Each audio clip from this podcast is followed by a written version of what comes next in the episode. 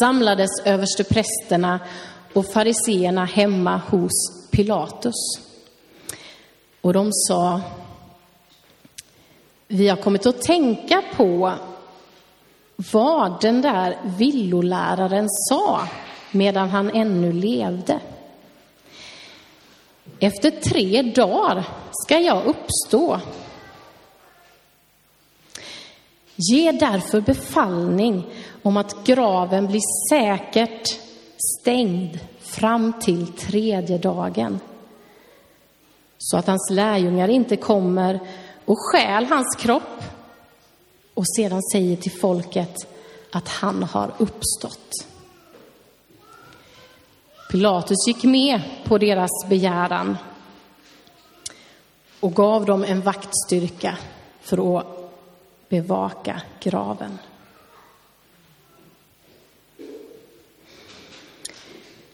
Efter sabbaten, alltså på söndagmorgonen,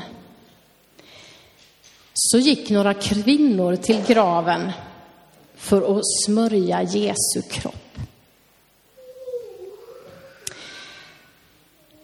Evangelierna ger oss lite olika glimtar om vilka det var. Det står omnämnt fyra kvinnor vid namn i de olika evangelierna. Och det är Maria från Magdala, Salome, Johanna och Maria, Jakobs mor. Och det verkar som att de kan ha kommit i, i två olika grupper för att några möter ängeln som eh, precis rullat undan stenen. Och några går in och talar med två änglar som är inne i graven.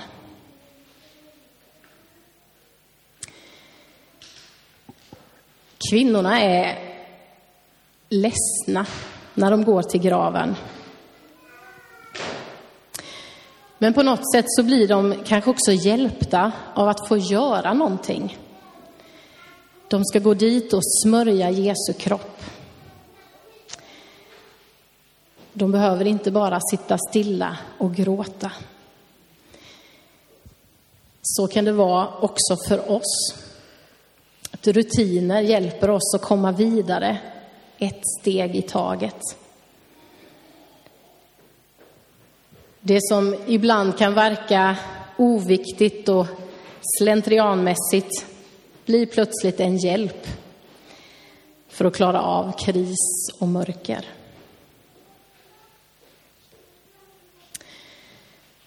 När kvinnorna kommer till graven har det oväntade hänt. Under natten, någon gång i mörkret, så har uppståndelsen skett. Det som möter kvinnorna är en tom grav. Och änglar talar om uppståndelse och liv. Det ofattbara har hänt. Kvinnor var inte riktigt förberedda på det här och blir först rädda. De vet inte om de ska våga tro på det här. Men som vi hörde nyss i Matteus 28 så säger ängeln till kvinnorna, var inte rädda. Var inte rädda.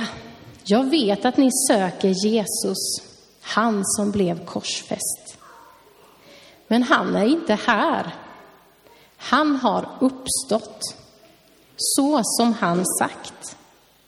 Kom och se var hans kropp låg och skynda er nu att berätta för hans lärjungar att han har uppstått från de döda och att han går före er till Galileen för att möta dem där. Kvinnorna skyndade sig då bort från graven, säkert fyllda av bävan, men också stor glädje. Och man springer för att tala om det för hans lärjungar. Och plötsligt står Jesus framför dem. Och de faller till marken inför honom och fattar om hans fötter och tillber. Då säger också Jesus till dem, var inte rädda.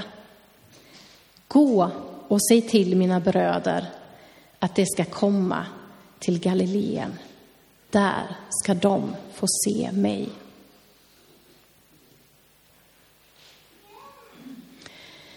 Uppståndelsen skedde just så som profeterna hade förutsagt. Jag ska läsa ifrån första Korintierbrevet 15. Vi börjar i vers 3 och 4.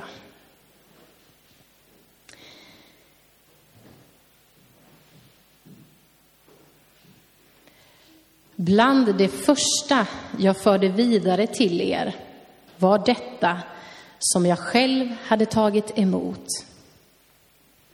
Att Kristus dog för våra synder i enlighet med skrifterna. Att han blev begravd och att han uppstod på tredje dagen i enlighet med skrifterna.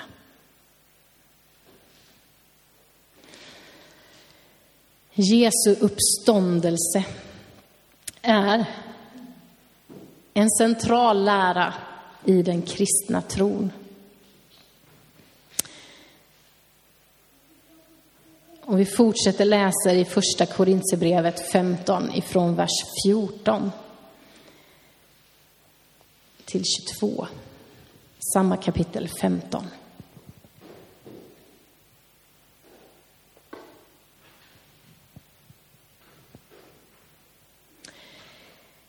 Men om Kristus inte har uppstått, ja, då är vår förkunnelse tom. Och tom är också er tro. Och då visar det sig att vi har vittnat falskt om Gud. Eftersom vi har vittnat om Gud att han har uppväckt Kristus som han ju inte kan ha uppväckt om det är sant att de döda inte uppstår. Ty om inga döda uppstår har heller inte Kristus uppstått. Men om Kristus inte har uppstått, då är er tro meningslös och ni är ännu kvar i era synder. Då är också de som har avlidit i tron på Kristus förlorade. Gäller vårt hopp till Kristus bara detta livet, då är vi det mest ömkansvärda bland människor. Men nu har Kristus uppstått från de döda som den första av de avlidna. Ty eftersom döden kom genom en människa kommer också uppståndelsen från de döda genom en människa. Liksom alla dör genom Adam, så ska också alla få nytt liv genom Kristus.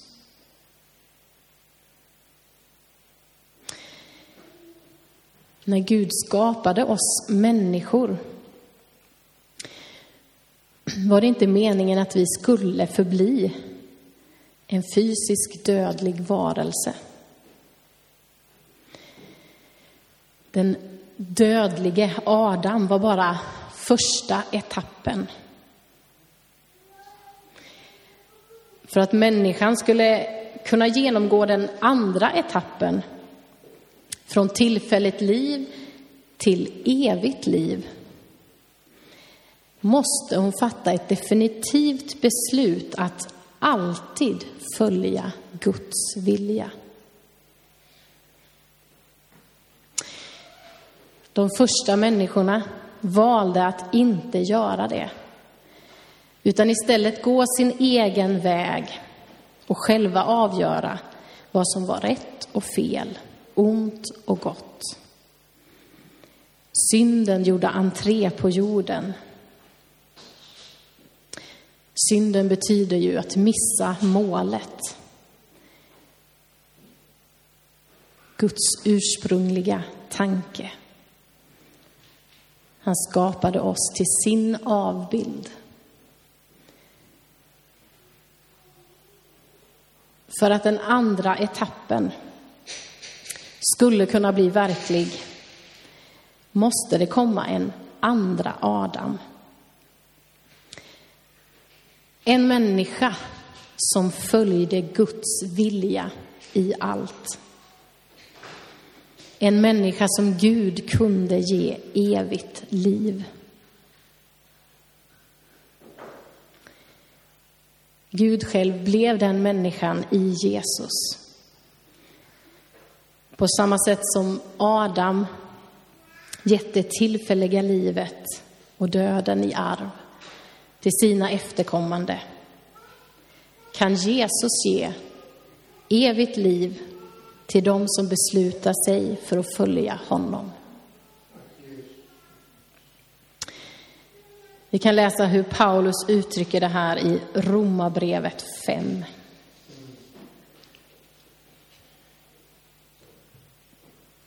Romarbrevet 5 och från vers 12 till 21.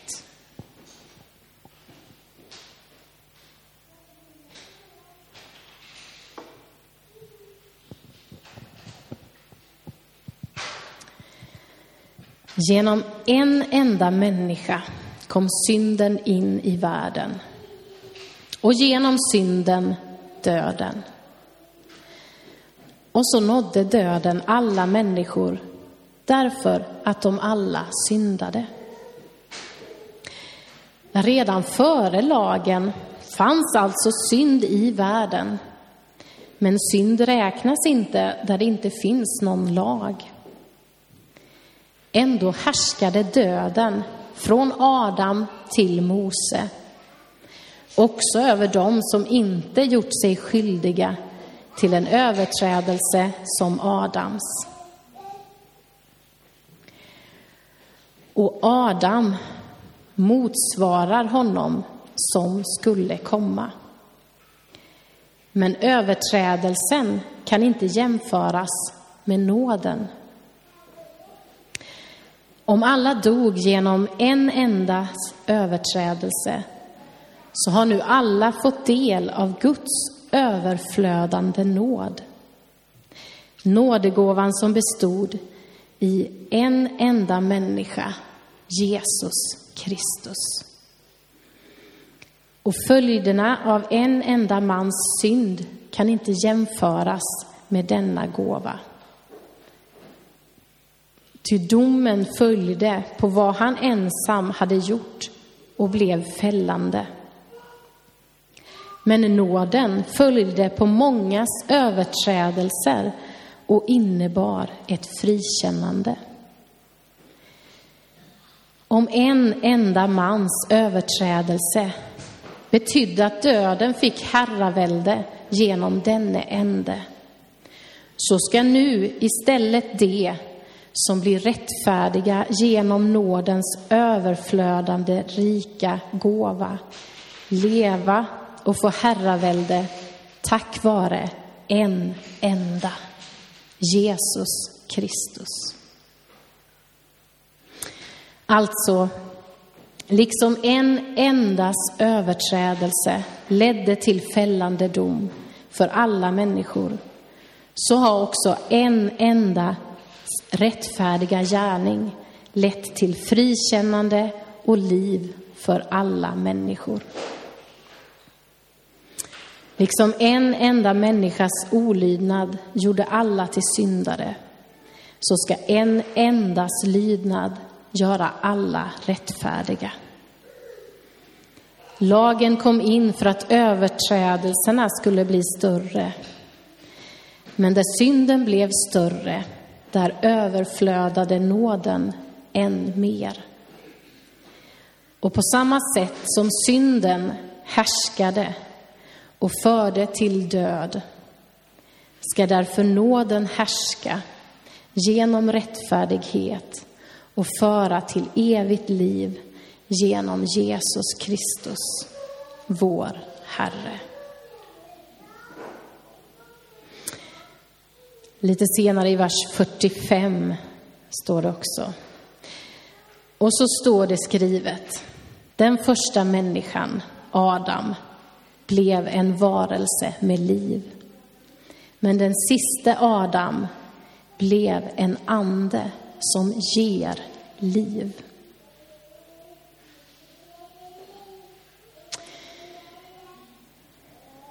I Romarbrevet 6 kan vi läsa om att syndens lön är döden. Men Guds gåva är evigt liv i Kristus Jesus, vår Herre.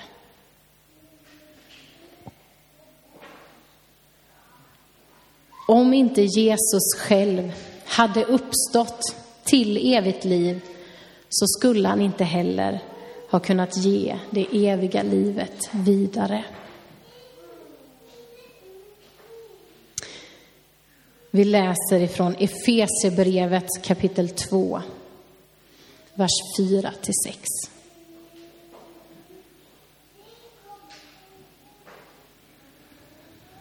Men Gud, som är rik på barmhärtighet, har älskat oss med så stor kärlek att fast vi var döda genom våra överträdelser har han gjort oss levande tillsammans med Kristus.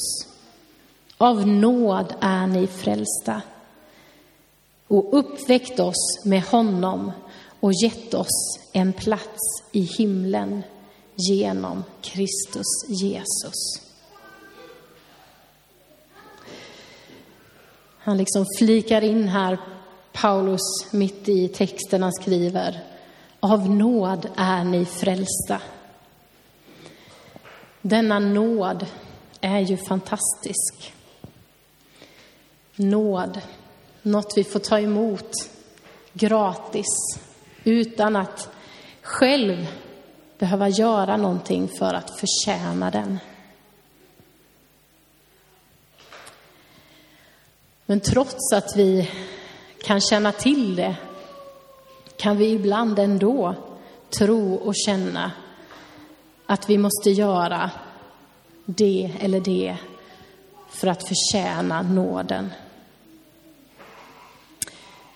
Vi vill göra ett gott intryck på Gud och tänker att det kanske hjälper oss.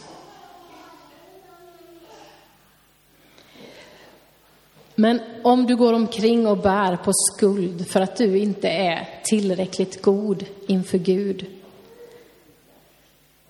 så är det på tiden att du förstår vad Jesu död och uppståndelse betyder för dig. Av nåd är vi frälsta. I Romarbrevet 3 så kan vi läsa om rättfärdighet genom tro. Att vara rättfärdig kan förklaras med att vara, man vänder på orden, färdig i rätten. Jesus, han tog vårat straff. Allt är klart, allt är färdigt domen för oss blir frikännande om vi vill. Det handlar inte om vad vi kan göra, utan om vad Jesus redan gjort.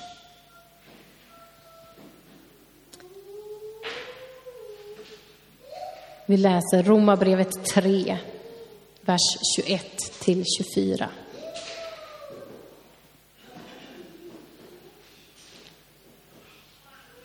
Men nu har Gud uppenbarat en rättfärdighet som inte beror av lagen, men som lagen och profeterna har vittnat om.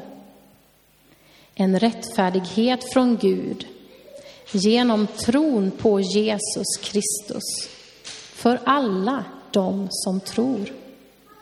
Här görs ingen åtskillnad. Alla har syndat och gått miste om härligheten från Gud.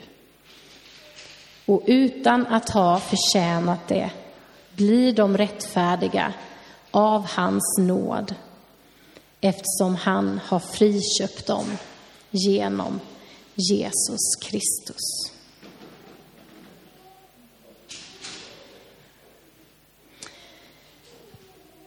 Vi ska läsa ett sista bibelord också ifrån kapitel 5 i Romarbrevet.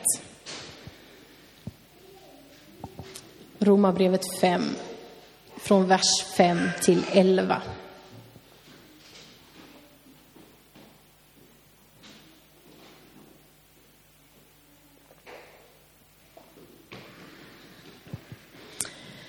Och hoppet sviker oss inte.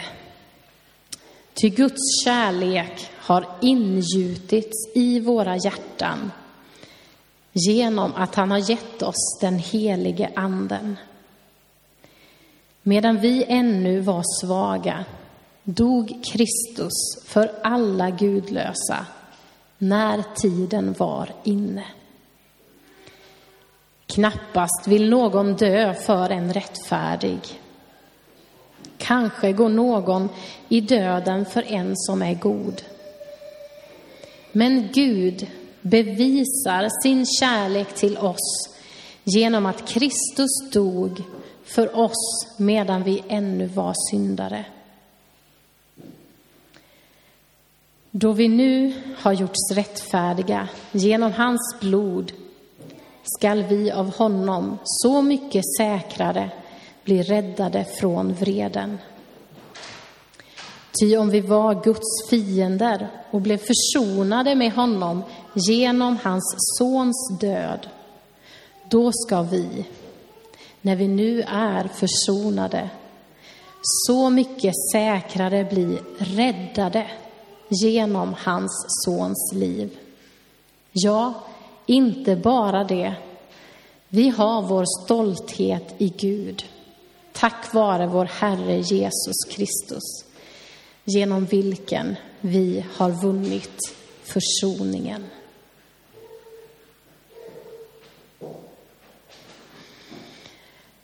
Änglarna och Jesus sa det till kvinnorna.